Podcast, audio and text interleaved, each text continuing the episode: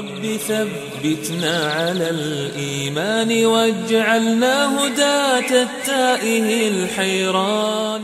أعوذ بالله من الشيطان الرجيم. بسم الله الرحمن الرحيم. إن الحمد لله تعالى نحمده ونستعينه ونستغفره ونعوذ بالله من شرور أنفسنا ومن سيئات أعمالنا.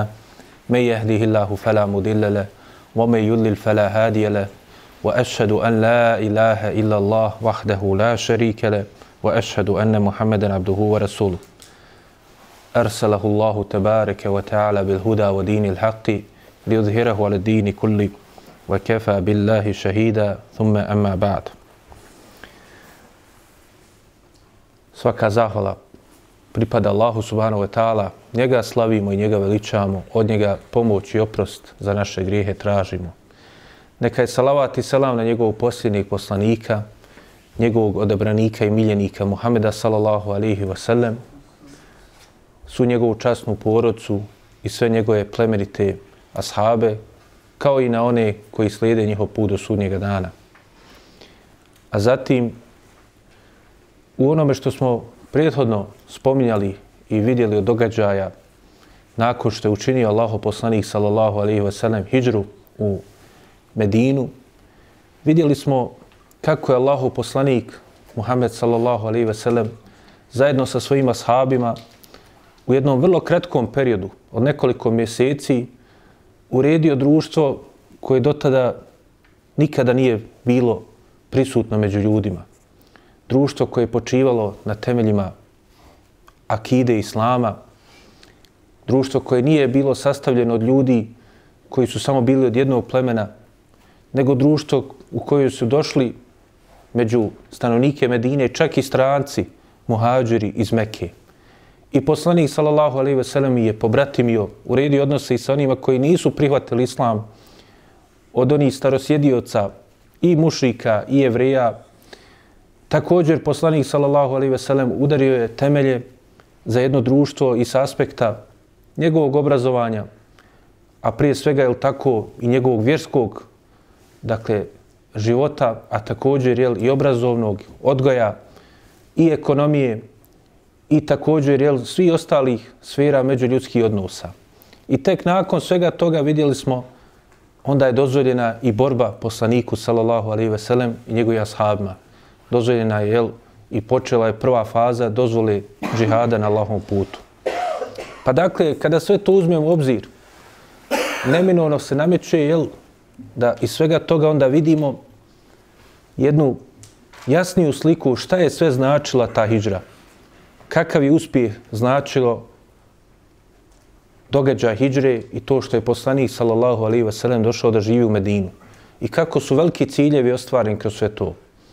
Jedan od učenjaka savremeni kaže, spominjući te vrijednosti, učenjak kojim je ime Ahmed Abdulazim, u knjizi koju je napisao vezano za hijđru, koju je nazvao Tahtit lil hijđre ili plan za hijđru, kako ga je poslanik sallallahu alaihi ve sellem jel, kao što smo vidio, isplanirao hijđru, kao što smo vidjeli također i kako se odvijao događaj hijđre i ovo što je uslijedio nakon nje. Pa na kraju jel, izvlači nam neke poruke iz svega toga, neke zaključke koje je ciljeve ostvario poslanik sallallahu alaihi ve sellem. Da nam još bude jel, jasnija slika šta se jel, u ovi nekoliko mjeseca, mjeseci nakon hijđre, prve godine po hijđri, ostvario poslanik sallallahu alaihi ve sellem vođen objavom od Allaha subhanahu wa ta'ala, a i oni od ashaba koji su jel, bili s njim u tom periodu. Prva i osnovna stvar jeste da se promijenio odnos snaga na arapskom polotoku i među Arapima općenito. Dakle, Kurejšije koji su dotada bili vođe i koji su imali važnu i jaku poziciju, izgubili su tu poziciju koju su dotada uživali. Zbog čega? Zbog toga što su jel, protjerali Allahov poslanika, sallallahu alaihi ve sellem. Zbog toga što su odbili islam. Kao što smo i govorili da je poslanik, sallallahu alaihi ve sellem, im to i govorio. Recite la ilaha illallah, zavladat ćete i Arapima i ne Arapima. Uspjećete i na ovom i na onome svijetu. Samo recite la ilaha illallah. Ali oni znajući šta to znači, šta to podrazumijeva, na, na šta će i to navesti, odbili su. A dakle, s druge strane, muslimani koji su bili uz poslanika sallallahu alaihi ve sellem zato što su prihvatili tu akidu, akidu la ilaha illallah, akidu tevhida i bili ubijeđeni u to i slijedili Muhameda sallallahu alaihi ve sellem, ostvarili su ogromne uspjehe. Pa dakle, prva jeste da je promijenio se taj odnos snaga koji je vijekovima trajao, da su Kurešije, jel, kao nasljednici i potomci Ismaila ali i salam, koji je nastanio Meku, postali centar i zbog pozicije Mekke i toga što se tu nalazila Kaaba i tako dalje. I ono što smo spominjali, videli smo kako je Allah uzvišen i odbranio tu Kaabu, čak i od Ebrahe koji je došao da je sruši. Pa dakle, Kurešije su jel, sve te počasti uživali, sve dok se nisu suprostavili Allahu subhanahu wa ta'ala. A sa hijđrom, jel, poslanik sallallahu alaihi ve sellem, iako u osnovi morao da napusti to najvrednije mjesto, iako je bio protjeran, iako su muhađuri, dakle, bili ljudi koji su morali da ostave sve iza sebe, ipak u tome je bio uspjeh za njih i na ovome svijetu. Druga stvar jeste što je onda kroz tu promjenu odnosa, dakle i to što su najbolji sinovi, možemo reći, od tog istog plemena Kurejiš, suprostavili se tim svojim vođama, tim dakle, strukturi koju su predvodili, dakle, ljudi koji su odbili islam, koji su ostali na širku, ostali mušici i ostali da bi zadržali svoje pozicije glavešina, odbili tu veliku mogućnost kojim se pružila, a s druge strane, kao što smo videli čak i najbliži njihovi sinovi, potomci njihovi su prihvatili islam sa druge strane, kažu, kaže ovaj šejh, kaže, druga stvar je onda da su Arapi izgubili poštovanje prema, dakle, Kurejšima. Izgubili su, što je još važnije, strah od njih. Zato što su videli, jel, da nije sve više vezano za njih. Ima neki drugi odnosi koji se uspostavljaju u društvima.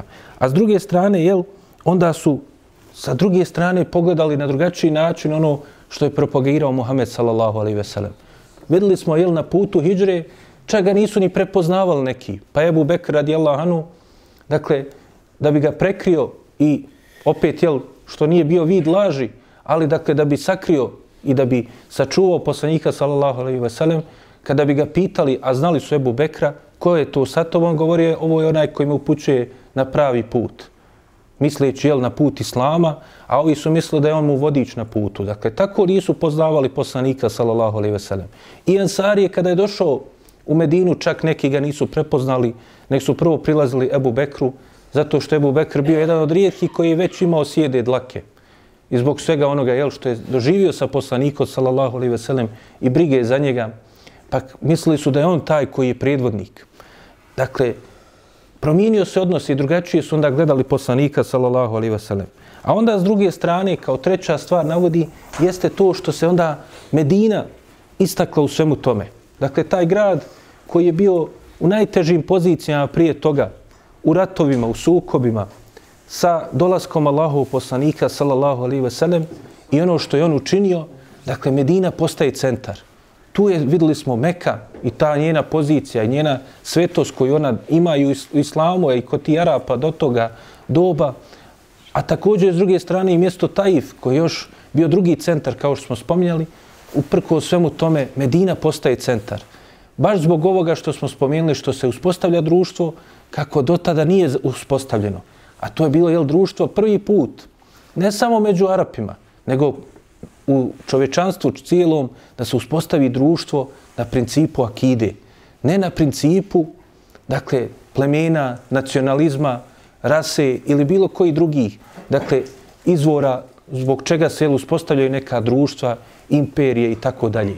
Dakle, ovdje se uspostavlja na principima akide. I šta to onda znači? Znači, jel, kao što smo videli, da se pobratimili prije svega zavađena plemena unutar, dakle, e, Medine, a onda su došli muhađuri koji su, jel, došli sa tom još većom teškoćom, kao što smo vidjeli, da nisu imali ništa od imetka, pa je valjalo ensarijama ih pod pomoći i sa svojim imetcima, ali su oni to drage volje prihvatili zato što je okupila akida. Četvrta stvar koju navodi ovaj učenjak jeste da se onda promijenio dakle, od, život Arapa koji su dotada živjeli, koji se ogledao u stalnim ratovima. Vidjeli smo i oni događajima prije pojave poslanika sallallahu alejhi ve sellem i prije njegove samog rođenja šta je bilo od ratova i u njegovoj mladosti. Također vidjeli smo i kako su ovi stanovnici Medine bili međusobno zavađeni, iako su u osnovi imali jedno porijeklo, ali su predstavljali pre, poslije toga plemena Eus i Hazređ, dakle predstavljali dva velika plemena čije jedno porijeklo bilo, koji su zajedno nastanili i čiji su jel, preci zajednički došli tu i nastanili to mjesto. Dakle, to je bio život Arapa prije pojavi Allahov poslanika, sallallahu alejhi ve sellem, ili još konkretnije, prije ovog događaja hidžre. Dakle, stalni ratovi, sukobi, proljevanje krvi, ni zbog čega, zbog razni jel, sitnih ciljeva dunjalučkih zbog prevlasti i tome slično. Dolaskom Islama, ovo društvo, na čemu se gradi? Dakle, gradi se na akidi. Ali ne samo to, nego se gradi na istinskim vrijednostima. Uspostavljaju se principi, načela na kojima će da počiva to društvo. Dakle, kao što smo rekli, poslanik sallallahu alaihi ve sellem uspostavlja društvo kroz one događaje i poslove koje je preuradio. Uspostavio je meščit ne samo kao kuću u kojoj će se Allah obožavati, nego kao prvu medresu u kojoj će se ljudi odgajati i obrazovati. Dakle, uspostavlja se društvo koje brine i o ljudskoj duhovnoj strani, a i također na obrazbi, a također s treće strane i principi ekonomije koji do tada nisu bili prisutni.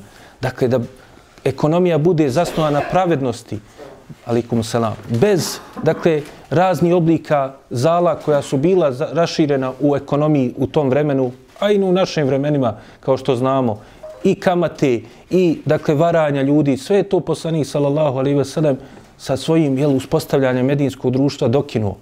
A dakle, s druge strane, nije želio vlast, nije žudio da se jel, napravimo prvo dvorac u kojem će on vladati, nije ciljao i radio da napravi odmah vojsku. Kao što znamo, jeli, kao, smo, kao što smo vidjeli, jedna od tih poruka, dakle, toga što je postepeno borba propisana, dakle, da nije bio cilj borba sama po sebi, nego je cilj, jel, uspostava društva. Dakle, fokus poslanika, sallallahu alaihi veselem, nije bio da se uspostavi samo neka imperija, da se nametne, jel, neka vlast, niti je kakve, kamat, e, kakve dakle, e, poreze nametao ili tome slično, nego je želio da uspostavi društvo. Društvo koje će biti progresivno, društvo koje će biti produktivno, koje će biti društvo dobra. A onda, jel, kao nužno, sredstvo je bilo neophodno na kraju, jel, kao što je kroz postepeno propisivanje borbe vidljivo, dakle, da je prvo dozvoljena borba, pa onda naređeno da se branimo, to jeste da se brane ashabi sa poslanikom sallallahu alejhi ve sellem, a onda nakon toga jel je naređeno i da se bore protiv ostali koji staju na put širenja islama. Dakle, a ne da bi se islam širio sa silom. I zato smo videli odnose u samom medijinskom društvu, nije poslanik sallallahu alejhi ve sellem nikoga natjerivao da primi islam. Čak videli smo i da se bojao u nekim prvim momentima i prvim mjesecima svoga boravka u Medini za svoj život kao što smo naveli primjer kada je Sad ibn Abi Vakas radijallahu anhu došao da ga štiti. Zato što je i dalje su tu mušici. Sklopio je save sa jevrejima, dakle sporazum i povelju potpisao s njima, ali da li će oni to poštovati ili ne, bilo je pitanje. Dakle, ali želio je poslanik sallallahu alaihi veselem da uspostavi pravedno društvo. I to mu je bio fokus. A ne onako kako izvrtaju i oni koji jel, su protivnici islama, dakle, I u tom vremenu vidjet ćemo iz događaja koji će uslijediti da će ove stvari izokretati. Da će jel, stavljati fokus na neke druge stvari. Da je poslanik sallallahu alaihi ve sellem došao da razjedini ljude, kao što smo vidjeli, to su i u Mekki govorili. A pogledajmo onu Medini, nije razjedinio, nego je upravo sjedinio. Stanovnike Medine, koji su preko 100 godina u ratu bili, oni je ujedinio. Također, došli su i muhađari, pa i s njima ih je pomirio i također, jel, pobratimio. Dakle, ljudi koji su im bili strani, koji nisu bili od njih, pa su morali i svoje, dakle, mjesto gdje borave, mjesto gdje žive da dijele sa njima, svoje kuće lične, a i također i svoje metke. Dakle, zato što je to bio jel, proizvod svega ovoga što se desilo nakon hijđre i dolaska poslanika, sallallahu alaihi ve sellem, u Medinu. Peta stvar jeste da je onda kroz to vidimo da se formirao umet muslimanski, umet islama, da se formira u Medini.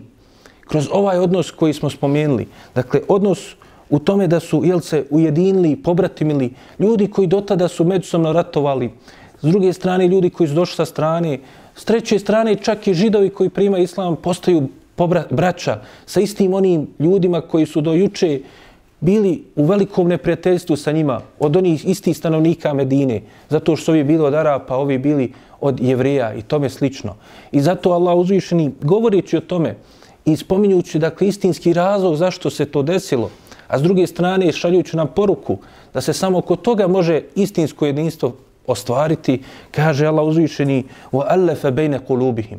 Kaže Allah uzvišeni je taj koji je ujedinio njihova srca. A onda govori poslaniku sallallahu alaihi ve koja je najbolja ličnost među ljudima koja se pojavila, ali želi mu reći da čak ni on nije mogao to urati. I nema tog imetka, nema tog interesa koji ljude može na takav način da ujedini.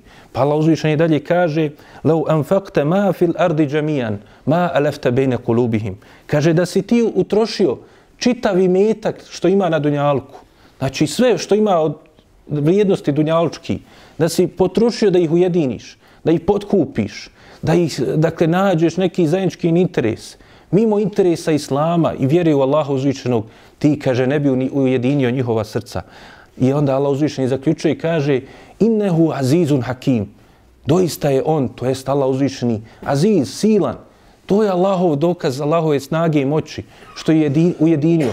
A i također da je on hakim, mudar, što je tako to jel, uredio te odnose. Šesta stvar jeste da je ta zajednica koja se formirala i to dakle, društvo koje je formirano u Medini, dakle, ono je posijalo sjeme za istinske vrijednosti, i također za načela i principe koje će čovečanstvo do današnjih vremena, civilizacija, dakle, koja čitava postoji, ona postoji na temeljima, na sjemenu kojeg je posio poslanik sallallahu alaihi ve sellem u Medini. Htjeli to priznati oni koji nisu od muslimana ili ne htjeli? Znali to neki od muslimana ili ne znali?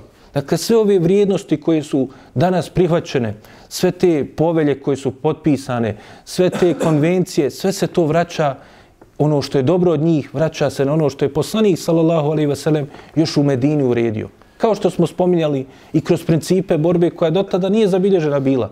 Dakle, borba koja će biti pravedna, u kojoj će biti milost prema čak i neprijatelju. Da, do tada je bio cilj samo uništenje, samo da se uništi neko, da se pokori, da se stavi pod jaram nečije vlasti. Poslanik sallallahu alejhi ve sellem to nije uradio ni jednog momenta. Čak ni onima jel koji su ga odbili kao poslanika, koji su ga vrijeđali.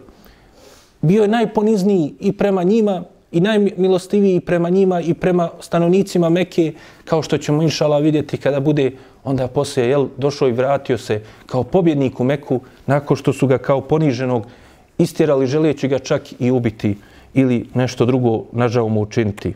Salallahu alihi wasallam. Sedma stvar jeste da je, dakle, e, hijđra učinila veliku stvar također i za islam sa strane, što je dozvolila onda muslimanima slobodu da se kreću. Dakle, da se kreću i da islam šire i u drugim oblastima. Zato poslanik, sallallahu alaihi ve sellem, vidjet ćemo u godinama između 6. i 8. godine po hijđri, kada je došlo do sporazuma sa stanovnicima Mekke, dakle sa mušicima, i ka, na sporazuma poznato kao sporazum na Hudejbiji, dakle da je u tom periodu poslanik sallallahu alaihi ve sellem poslao svoje zaslanike svim vladarima poznatim tog doba do koji je mogao doprijeti, da im, ponese, da, mu, da im prenese poruku Islama i da ih pozove da i oni prime Islam. Znači sve je to jedan od plodova i ciljeva koji je ostvarila hijđra. Osma stvar jeste što je ova hijđra uistinski predstavlja završetak onoga što se zvalo i kod Arapa i općenito gledajući ukupno i čovečanstvo period, dakle tavni period, period, dakle tame i nepravde i zločina i zuluma koji je bio prije toga, koji se ogledao u idolopoklonstvu, u obožavanju, dakle svega mimo Allaha subhanahu wa ta'ala, u neznaboštvu, bezbožništvu, dakle sa ovim istinski prestaje taj period. Dakle, to je naravno u ovom konkretnom slučaju kod Arapa i onima koji će posle Arapi dostaviti islam. A oni drugi koji napadaju islam i muslimane, kao što znamo, njima će proći 10, 15 vijekova dok su oni, dakle, prošli kroz taj period i završio im se period njihov, tamni period, njihov period, kako oni zovu, srednjeg vijeka, u njihovom računanju, u koji predstavlja el, period, dakle, dakle, e, e, nazadništva i bezbožništva i također jel, razni vidova drugih nepravdi koje su imali kod sebe. Dakle, muslimani su sa hijđrom završili taj period. U čemu se to ogleda? U tome što je došao poslanik, sallallahu alaihi ve sellem, uspostavio ovo društvo i onda ponudio ljudima ono što do tada nije bilo zabilježeno. A to je, dakle, istinsku slobodu. Ne bilo kakvu slobodu, ne o slobodu u, u svemu, nego slobodu istinsku, koja se ogleda u tome da je pozvao ljude da izađu iz obožavanja stvorenja, iz idolopoklonstva, iz obožavanja, dakle, svega mimo Allaha uzvišenog u istinsku slobodu koja se ogleda u obožavanju Allaha uzvišenog. Zato što čovjek, i kao što će jel, to vidjeti i druge civilizacije, dakle, kao što su vidjeli Arapi, to idolog poklonstvo nije samo jel, obožavanje kipova, nego i obožavanje svojih strasti, udalja, udovoljavanje samo svojim strastima i svojim prohtjevima, pod bilo koju cijenu, bez obzira kome ćeš naža učiniti i tako dalje. Dakle, ali kada čovjek obožava Allaha subhanahu wa ta'ala, onda ostvaruje ono što je istinski najbolje za njega. Dakle, to ga stavlja u njegovu istinsku slobodu. Zato što, jel, onda uspjeće udovoljiti onim svojim prohtjevima, ali na ispravan način, na pravedan način, a također će, jel, i društvo u kojem se to dešava biti pravedno i na, na e, najbolje društvo. E, također deveta stvar koju spominju jeste da je ovim poslanik sallallahu alaihi ve sellem događajem hijđre da je to bio početak uspostave islamske države. Opet ne onako kako se ona predstavlja i ka, posebno u našem dobu kako se zloupotrebljava ta izraz, nego društvo koje prvi put na principima postoji. Dakle, ne vlast koja proizlazi samo iz jedne ličnosti, bez ikakvih principa, bez ikakvih načela, bez ikakve pravde, nego vladar, imperator neki koji onda on po svojim protjevima, to je moramo posmatrati kroz to vrijeme u kojem je bile velike imperije toga doba, i Perzija i Bizantija, i druge neke kraljevina, proput Abesinije i tako dalje, kao što smo videli. Dakle, ovdje se uspostavlja država koja je uspostavljena na pravednosti, uspostavljena na principima, na čelima, na uređenju, na sustavu koji ćeš da štiti svačije pravo, bio on musliman ili nemusliman i tako dalje. I dakle, da onaj koji je vladar, ne na on iz svoje želje ili svoga htjenja daje nekome nešto, nego ima sistem koji stoji za toga. A to je objava od Allaha subhanahu wa ta'ala po kojem je onda poslanik sallallahu alaihi ve sellem i uredio tu državu. Također, događaj hijđre je početak svi veliki dakle, uspjeha koji su muslimani ostvarili. Zato je baš zbog svi ovih prethodnih stvari koje smo spomenuli, principa društva, principa kako da se jel, pravedno postupa, kako da se odgoji ispravno generacija, sve će to onda kao za posljedicu imati sve ono što je uslijedilo poslije. I zato smo vidjeli mudrost Omer radijallahu zašto je izabrao upravo za početak računjanja, dakle, kalendara muslimanskog, upravo hijđru. Dakle, bio događaj i znalo se jel, kada je rođen poslanik sa, veselem, sa aspekta godine, godine slona, jel tako, kao što smo spominjali. Također i kada mu je počela dolaziti objava. Također znamo jel, i kada je preselio poslanik sa alaihi sellem. Za razliku od drugih, jel, kao što znamo, računanje i kalendar koji je poznat po, kao što se kaže, po rođenju Isa alaihi salam. Ovdje nije po rođenju Allahov poslanika, nije po početku objave, nego savjetujući se Omer radijallahu anhu sa drugim ashabima, između ostali Alijom radijallahu anhu i drugima, došao je do zaključka da je najbolji ovaj dan. Dakle, dan, odnosno godina, kada je poslanik sallallahu alaihi ve sellem učinio hijđru. Zato što su sve promjene koje su uslijedile, sve ono što su muslimani ostvarili, do današnjih doba vraća se na tu hijđru. Kada su Allahu poslanik sallallahu alaihi ve sellem i Ebu Bekr jel, učinili hijđru, I sami oni prenijeli taj islam između Mekke i Medine i onda u Medini jel, uradili ovo sve što su učinili. I dakle, da, na osnovu toga svega je došao islam do krajnjeg istoka i krajnjeg zapada, kao što nam je poznato. Sljedeća stvar koja je vidljiva kroz ovaj događaj Hidžre jeste, a to je, dakle, kao što kaže ovaj autor, dakle, i učenjak, to je 11. stvar, jeste da u tome vidimo potvrdu da islam poslan čitavom čovječanstvu svim ljudima u svakom vremenu i svakom prostoru. Dakle, da to nije bila stvar neka plemena Kurejš, nije bila stvar Arapa, zato što nakon što je poslanik sallallahu alaihi ve sellem učinio hijđru, počeo da se širi islam i izvan granica i arapskog polotoka. Prvo je u okvir arapskog polotoka, pa onda i izvan granica arapskog polotoka i čak je kao što smo videli na primjerima, prvi koji su se odazvali poslaniku sallallahu alaihi ve sellem, Vidjeli smo jel to da je islam za čitavo čovečanstvo. Među prvima primaju islam od stanovnika Medine nakon hijđre, dakle Selman koji je plemenitog porijekla i dakle uglednog porijekla perzijskog, dakle perzijanac. S druge strane primio islam Abdullah ibn Selam koji je bio jel, jedan od jevreja i to jedan od njihovih najuglednijih i najvećih učenjaka, njihovih najvećih, da kažemo, kroz njihovu terminologiju, rabina. Dakle, ljudi koji nisu bili ni Arapi i ljudi koji su bili drugi vjera, dakle, primaju islam. Što ukazuje jel, da je islam, dakle, kroz ovaj događaj hijđre, jel, vjera koja je poslana za svako vrijeme svim ljudima na cijeloj zemaljskoj kugli. Također, 12. stvar koju je ovo autor spomenuo i kojom je završio jeste da ovog svega vidimo, jel, da je poslanik, sallallahu alaihi sellem došao, dakle, da ljude izvede iz tih, dakle, tmina, e, anarhije i, dakle, e, raznih oblika nepravde, da uspostavi pravdu među ljudima, da im donese nešto što je dobro za njih. I na ovome svijetu, a da ne govorimo, jel, na na ahiretu ono što je pripremljeno od nagrade za one koji ga slijede. Dakle, sve se ovo ostvarilo kroz događaj hijđre. Dakle, sve su ovo jel, plodovi hijđre i zato je značajan i toliko velik ovaj događaj. Nakon toga, uz ono sve što smo prethodno spomenuli, od događaja prve godine po Hidžri koji su još značajni, koji treba spomenuti, jeste da je te prve godine po Hidžri spominje se, dakle, da je Osman radijallahu anu pokazao još jednom kao što će još na drugim mjestima i u drugim prilikama ponovo pokazati svoju veličinu.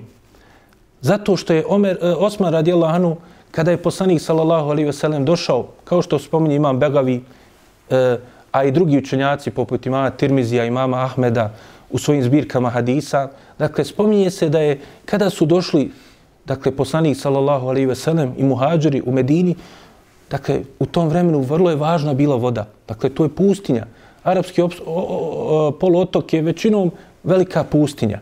I dakle, vrlo je značajna voda. I vrlo značajni su bunari.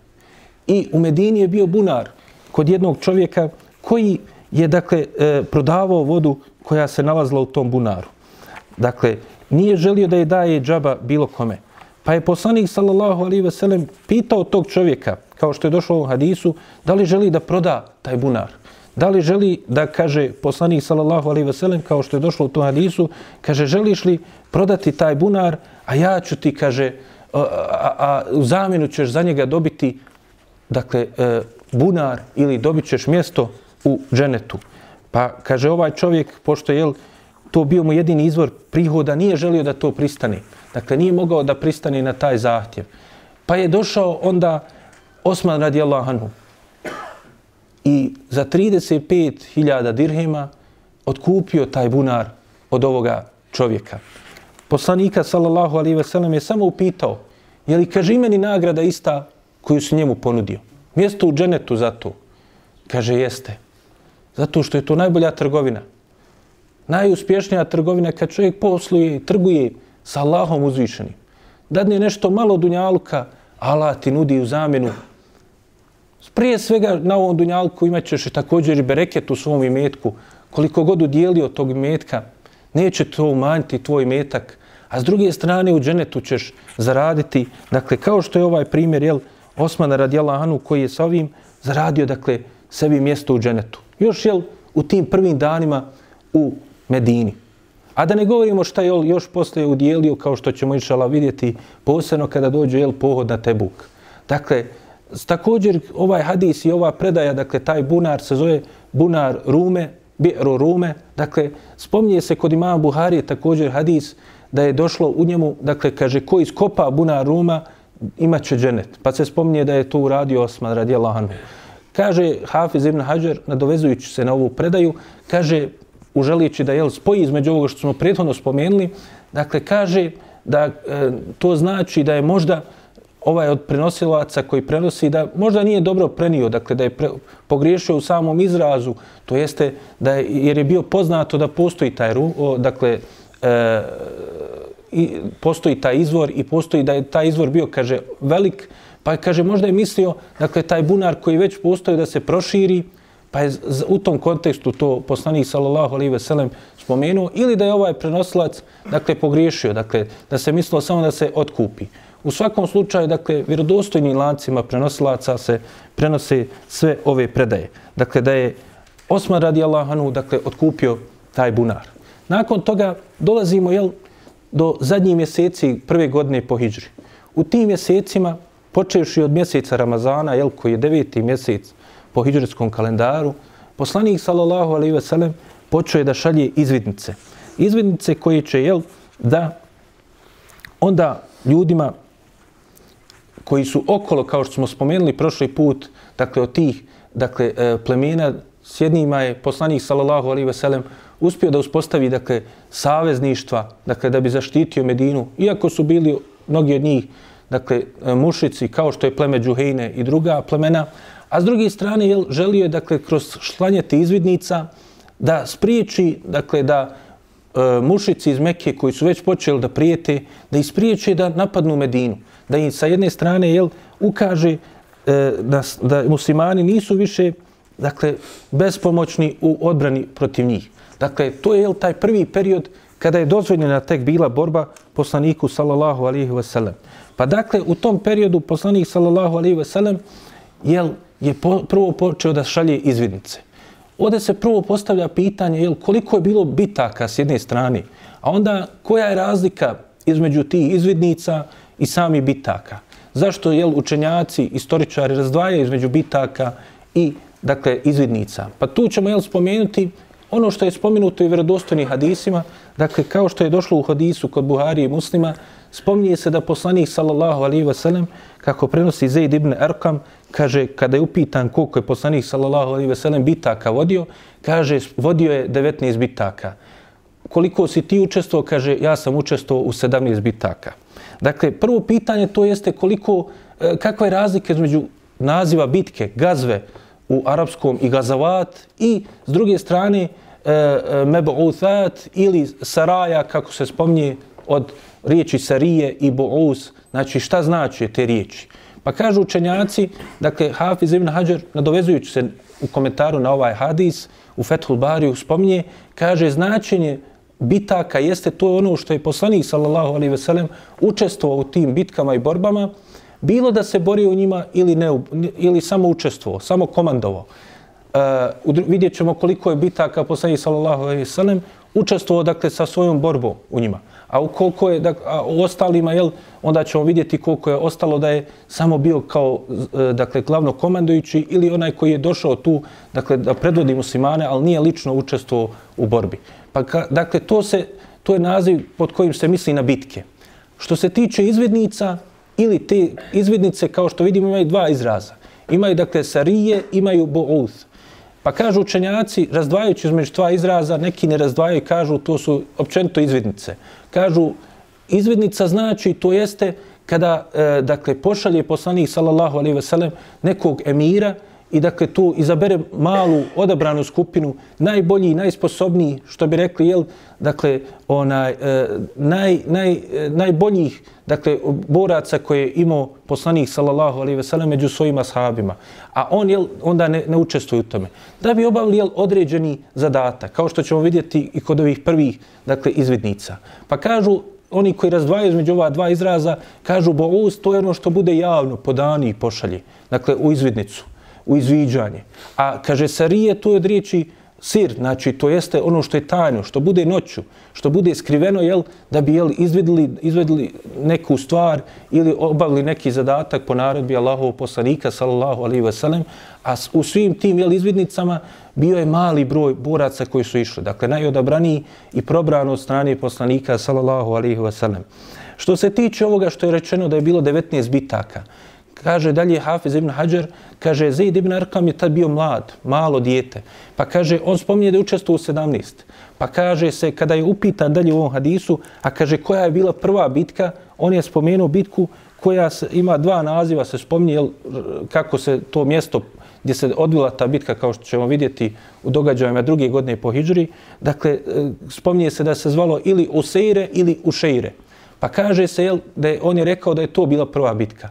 A kao što ćemo vidjeti, dakle, prve bitke će se tek odviti dakle s početkom druge godine po Hidžri, dakle da su prije toga bile dvije bitke koje su, koje kao što kaže Hafiz Ibn Hajar, vjerovatno ovaj prenosilac Ashab nije spomenuo zato što je bio mal, pa nije i zapamtio ili nije i dakle, e, e, e imao u vidu da ih u ovoj predaji. A dakle, prva je bitka bila bitka Ebu'a ili bitka Veddan, To je jel, dva mjesta jedna pored drugi, pa sprem tog mjesta je nazvana ta bitka kao što ćemo vidjeti. A druga bitka je bila bitka Buvat, a tek treća je bila ova spomenuta u Seire ili u Šeire. Dakle, iz toga vidimo da je bilo 21 bitka. I to je najpoznatije mišljenje. E, neki učenjaci poput e, Ibnu Sada spominju 27 bitaka. Neki spominju 26 bitaka da je bilo. Dakle, e, učenjaci pojašnjavajući zašto ima razlike koliko je bilo bitaka, kažu to je zato što su neki od tih bitaka, kao što ćemo vidjeti, neki su razdvajali dakle, događaje koji su bili bit, u bitkama, neki smatraju dva velika događaja ili dva mjesta koja se odvila u njima bitka, dakle da su to dvije bitke, a neki kažu da je jedna. I tu ima više primjera. Kao što je primjer dakle, e, bitke e, protiv Benu Kureza, dakle jednog od tih jevrijskih plemena, nakon bitke na Hendeku. Neki kažu da je to sastavni dio bitke na Hendeku. Neki od učenjaka razdvajaju između tih bitaka poput Ibn Sada. Ili kaže e, oslobođenja Taifa nakon Huneina. Neki kažu da je to sastavni dio bitke na Huneinu. Također, što se tiče jel, oslobađanja Vadil Kura, koje je bilo na putu za Hajber, kao što ćemo išala vidjeti, neki smatraju da su to dvije bitke. Također, neki ne smatraju da je oslobođenje Mekke bitka, zato što u osnovi kažu neki da tu uošte nije došlo do borbe, nego da je jel, poslanik sallallahu alaihi ve na kraju uspostavio sporazum sa Kureševa koji su na kraju odustali od borbe svjesni da ne mogu se suprostaviti Muhammedu sallallahu alejhi ve sellem i ashabima, a i također što su mnogi od njih onda su odlučili da prime islam u tom periodu. Također neki spominju jel, i bitka na Tebuku, kao što ćemo vidjeti, da je tu osnovi bio pohod na Tebuk, jer na kraju jel, ovi suparnici muslimana nisu izašli na bojište i nije došlo do borbe. I zbog toga jel, to su neki od razloga kako neko gleda od tih borbi, da li je to zasebna bitka ili ne. Zato je suština i dakle, najpoznatije mišljenje da je bilo 21 bitka. Što se tiče koliko je bitaka poslanih, sallallahu alaihi ve sellem, lično on svojom borbom učestvovao, dakle, također imaju tu, e, da kažemo, u vanjštini kontradiktorni, dakle, mišljenja u jednoj od predaja, kao što spominje se kod imama muslima u njegovom sahihu, Burejdeta ibn Husayb radijallahu anhu prenosi da je poslanik sallallahu alaihi ve sellem učestvovao u osam bitaka. Pa imam nevevi pojašnjavajući zašto on spominje dakle, osam bitaka, a neki drugi spominju devet bitaka, upravo vraća to na pitanje, dakle, oslobođenja Mekke. Zato što je poslanik, sallallahu alaihi ve sellem, lično učestvovao u tome, pa kaže zato što jel, neki nisu od, i od ashaba, a i onda i oni poslije koji su došli, jel, nisu smatrali to bitkom, nego da, su, da je to bio sporazum. Da u osnovi jel, nije do bitke bilo. I zato jel, učenjaci kažu, i to naj, dakle, e, poznatije mišljenje da je poslanik sallallahu alejhi ve sellem od tih 21 bitke u devet on učestvovao lično sa svojom borbom sallallahu alejhi ve sellem.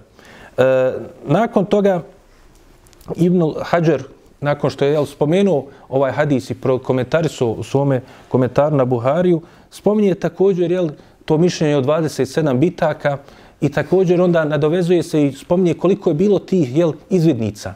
Pa se spominje, kaže, kako je došlo u toj predaji kod Ibn Sada, gdje je rekao da je bilo 27 bitaka, on ta, kaže također da je bilo 47 izvidnica koje je poslao poslanik sallallahu alihi wasallam. No međutim, kaže Ibn Hajar, Allah najbolje zna, kaže, bilo je oko 70. I kaže, i kada se sve to uzmu, bitke, izvidnice, otprilike, kaže, dođe se do broja 100. To jest da je bilo 100 tih jel, borbi koje su vodile se bez obzira što, kao što ćemo vidjeti u nekim od njih, da nije uošte došlo do borbe. Dakle, da uošte nije bio cilj, kao što smo rekli, da po svaku cijenu dođe do borbe. Nego je došlo nekada do sporazuma, nekada jel, protivnice nisu ni pojavili, nekada su, jel, dakle, ona je došlo do nekih drugih načina, dakle, da, kao što ćemo vidjeti, da nije došlo do same borbe. Pa kaže, jel, Hafiz ibn Hajar i taj govor pripisuje poznatom imamu Mogla Taju, koji također je rekao, dakle, da je ukupno ih bilo stotinu. A što se tiče bitaka koje se spominju u Kur'anu, u Kur'anu se spominje sedam velikih bitaka od ovih bitaka koje se, kao što ćemo vidjeti, koje će nam doći.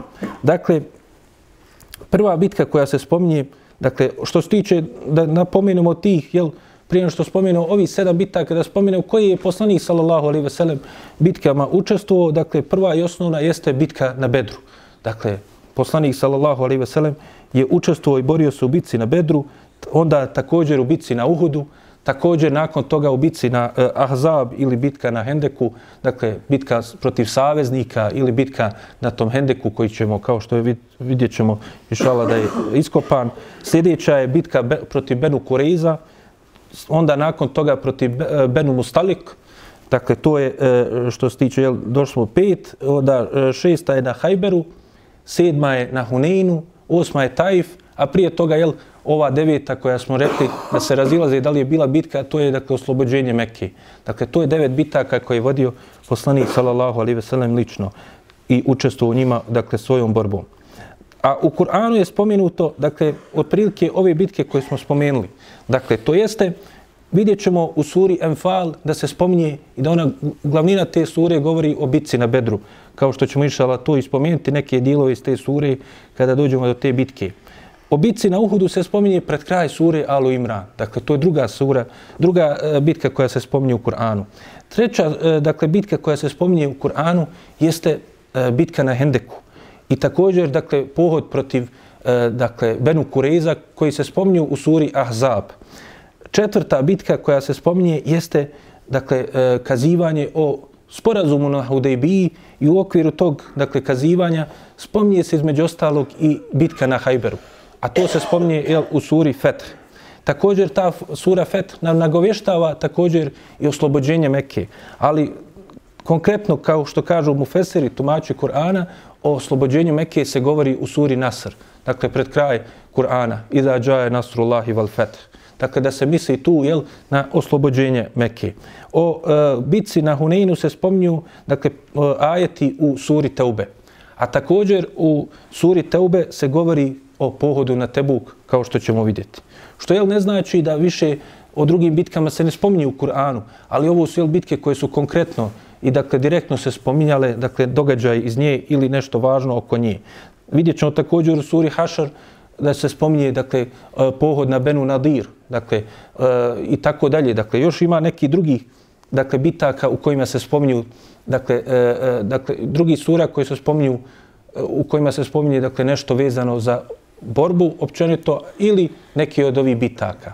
Što se tiče Allahov poslanika, sallallahu alejhi ve sellem treba spomenuti da je on, dakle, na bitci na Uhudu, dakle, jedini put bio ranjen, kao što ćemo, inšala, vidjeti, ali, dakle, da je u ovim drugim bitkama, dakle, nije bio ranjavan, ali, dakle, da je učestvovao, dakle, ove koje smo spomenuli, učestvovao lično Allahov poslanik, sallallahu alaihi ve sellem sa svojom borbom.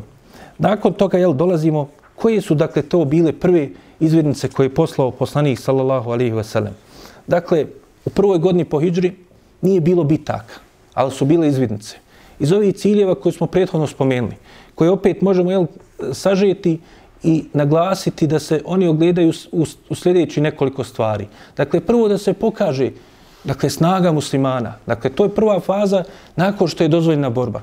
Dozvoljena je borba kao što smo spominjali da Ibnu Kajim rekao, prvo je bila haram borba, pa je postala dozvoljena, pa je posle naređena odbrana od onih koji nas napadnu, to jest napadnu poslanika sallallahu alihi wasallam i ashabe, a onda nakon toga je dozvoljena općenito jel, borba da se i naređena protiv onih koji sprečavaju islam i širenje islama. Dakle, poslanik sallallahu alihi wasallam, dakle u tom prvom periodu dozvole borbe, dakle, a to je pred kraj prve godine hijđri, po hijđri, slao je samo dakle, izvidnice i imao je određene ciljeve koje žele kroz to da ostvari. Prvo da se pokaže snaga muslimana, da oni više nisu bespomoćni, da se ne može raditi svašta prema njima. Pa dakle, to je prije svega da se jel, to vide oni mušici i ostali koji nisu primili islam od jevreja i drugi koji su bili u Medini. Dakle, da, da vide dakle, da su, mora imati ozbiljne odnose sa njima. Dakle, da kao i svi ostali jel, ljudi, dakle, potrebno da pokažeš ko si i šta si. Dakle, posebno kada jel, imaš takvo, takve neprijatelje protiv tebe i takvu propagandu kao što su oni imali protiv sebe, dakle sve ono što se govorilo protiv Allahov poslanika i muslimana općenito tada.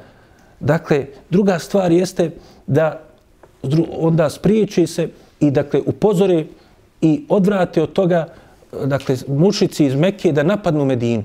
Dakle, da se oni ne usude više da napadnu Medinu, a i treća stvar jeste, kažu, također da bi onda oni prestali da muče muslimane koji su ostali u, u, u Mekke. Kao što smo spomenuli, ljudi koji nisu mogli da učine hijđru, koji su bili spriječeni, koji su bili izloženi mučenju, raznim vidovima jel, pritisaka, samo da bi napustili islam.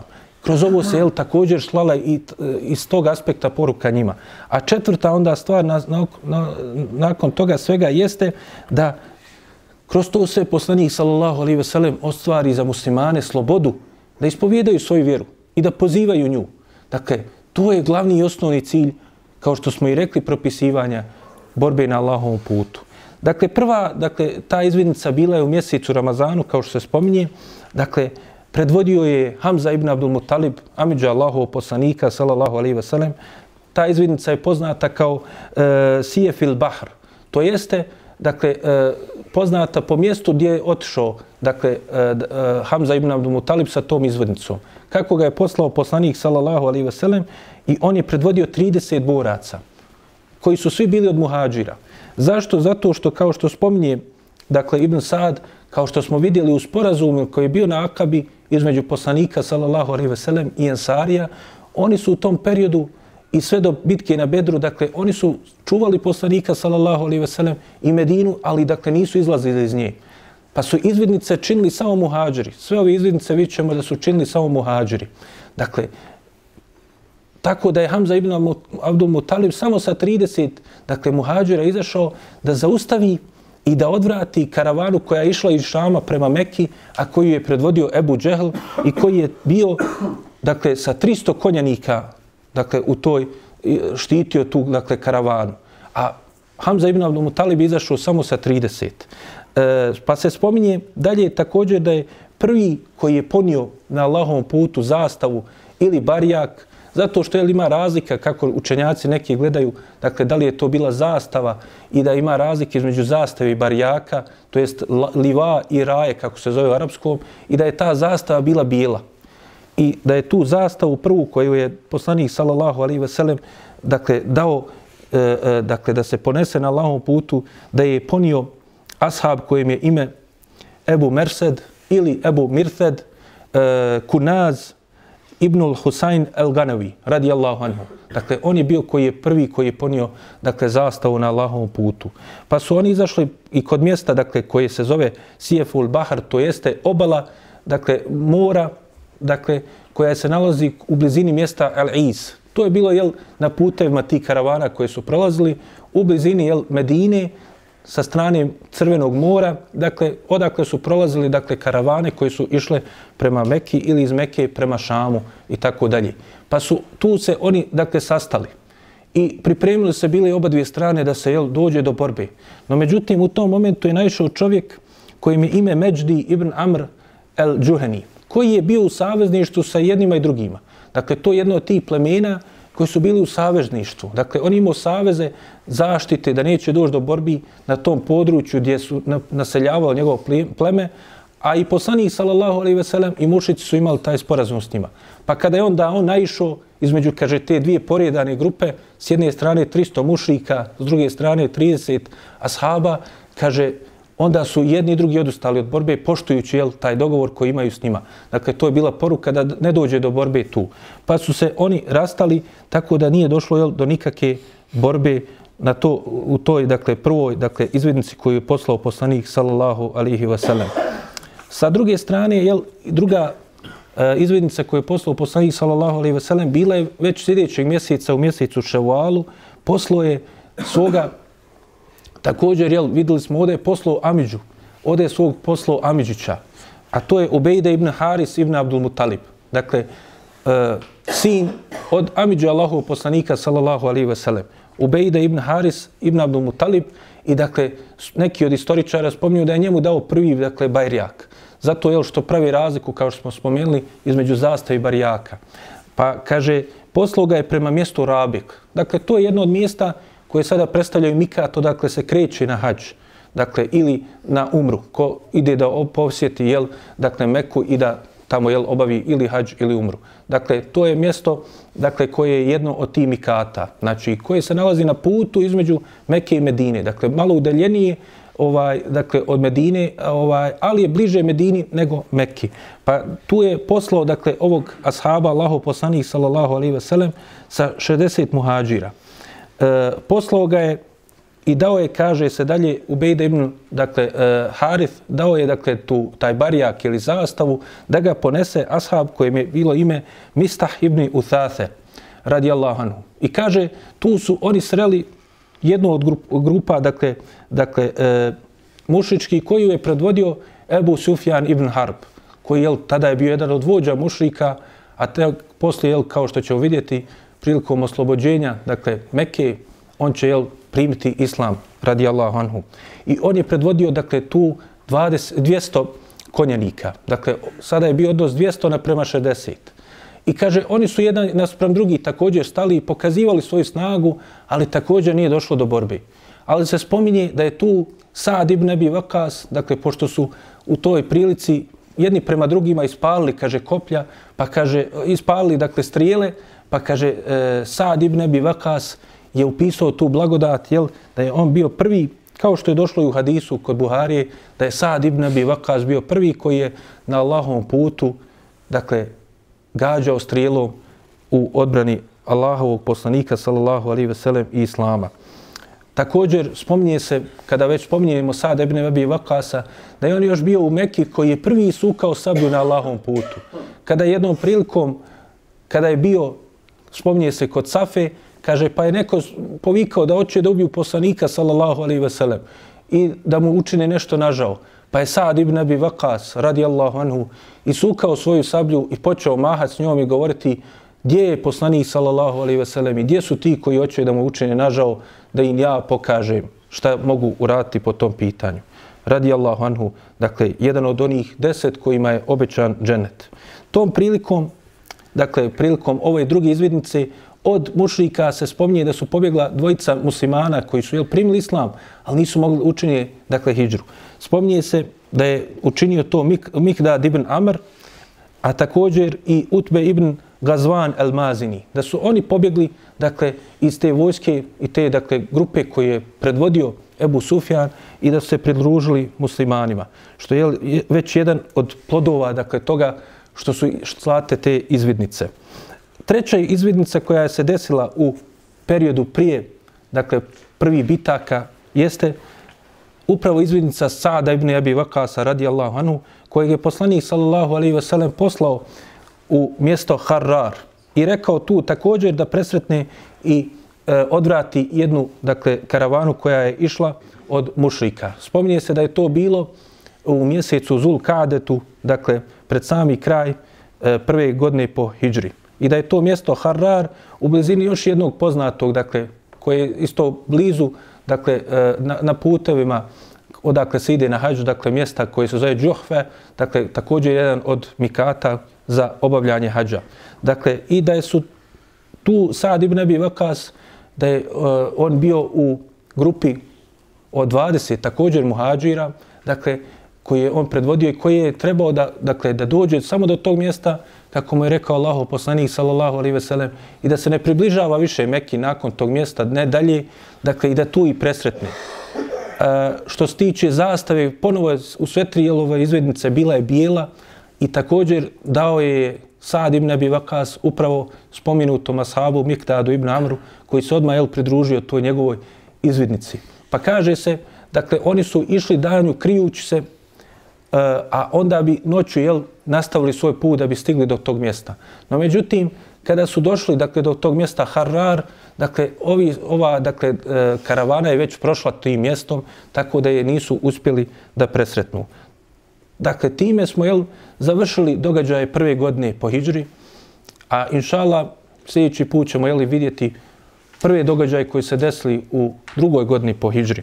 Ovdje još možemo samo naglasiti iz ovoga svega što smo spomenuli i onoga što slijedi, da neki od učenjaka kada dijeli taj medinski period, dijeli ga, kaže, u, u tri faze. To jeste, prva faza jeste od početka prve godine do šeste godine, dakle da je poslanik sallallahu alaihi ve sellem u ti šest prvi godina, dakle, bile su vremena nemira, vremena, dakle, tih e, raznih prevrta, e, e dakle, E, sukoba, fitni koji se dešavale, sve dok nije došlo do šeste godine, dakle, do sporazuma na Hudejbiji. Pa u mjesecu Zulkadetu, kao što ćemo vidjeti, šeste godine po Hidžri, dakle, poslanik sallallahu alejhi ve sellem je napravio sporazum na Hudejbiji. Nakon toga e, nastupa sljedeći period koji će trajati dvije godine, od šeste do osme godine po Hidžri, to jeste do oslobođenja Mekke u mjesecu Ramazanu, kao što ćemo inšala vidjeti.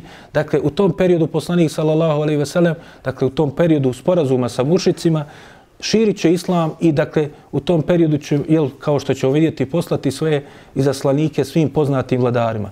I onda od osme godine po Hidžri, dakle oslobođenja Mekke, dakle treći period nastupa, to je jel, period kada, kao što je rečeno u suri Nasr, kada su ljudi u skupinama ulazili islam, kao što ćemo vidjeti dolažeće delegacije plemena da prime islam, sve do preseljenja Allahov poslanika u mjesecu Rebiju Levalu, 11. godine po Hidžri, sa ovoga svijeta i odlaska na onaj svijet u najodabranije društvo. Molim Allaha subhanahu wa ta'ala da nam poveća ljubav prema Allahovom poslaniku sallallahu alaihi ve sellem. Molim ga subhanahu wa ta'ala da nas učini od njegovih istinskih sljedbenika. Molim ga subhanahu wa ta'ala da nam oprosti naše grijehe, da nam se smiluje, da pomogne muslimane na svakom mjestu, da olakša onima koji su potlačeni od njih, kojima se čine razne vidovi nepravdi, koji su zlost, zlostavljaju se kao što su zlostavljani ovi prvi muslimani, samo što kažu da vjeruju Allaha. Pa čak, jel, vidimo i možemo čuti čak i da genocid se čini nad njima. Molim Allaha subhanahu wa ta'ala da ih olakša i da muslimane sve vrati njihovoj vjeri na najljepši način i da uputi nas i sve, e, sav naš narod. Amin. Subhanak Allahumma wa bihamdike. Ešhedu an la ilaha illa ente stakfiruke ve tublik. يا رب ثبتنا على الإيمان واجعلنا هداة التائه الحيران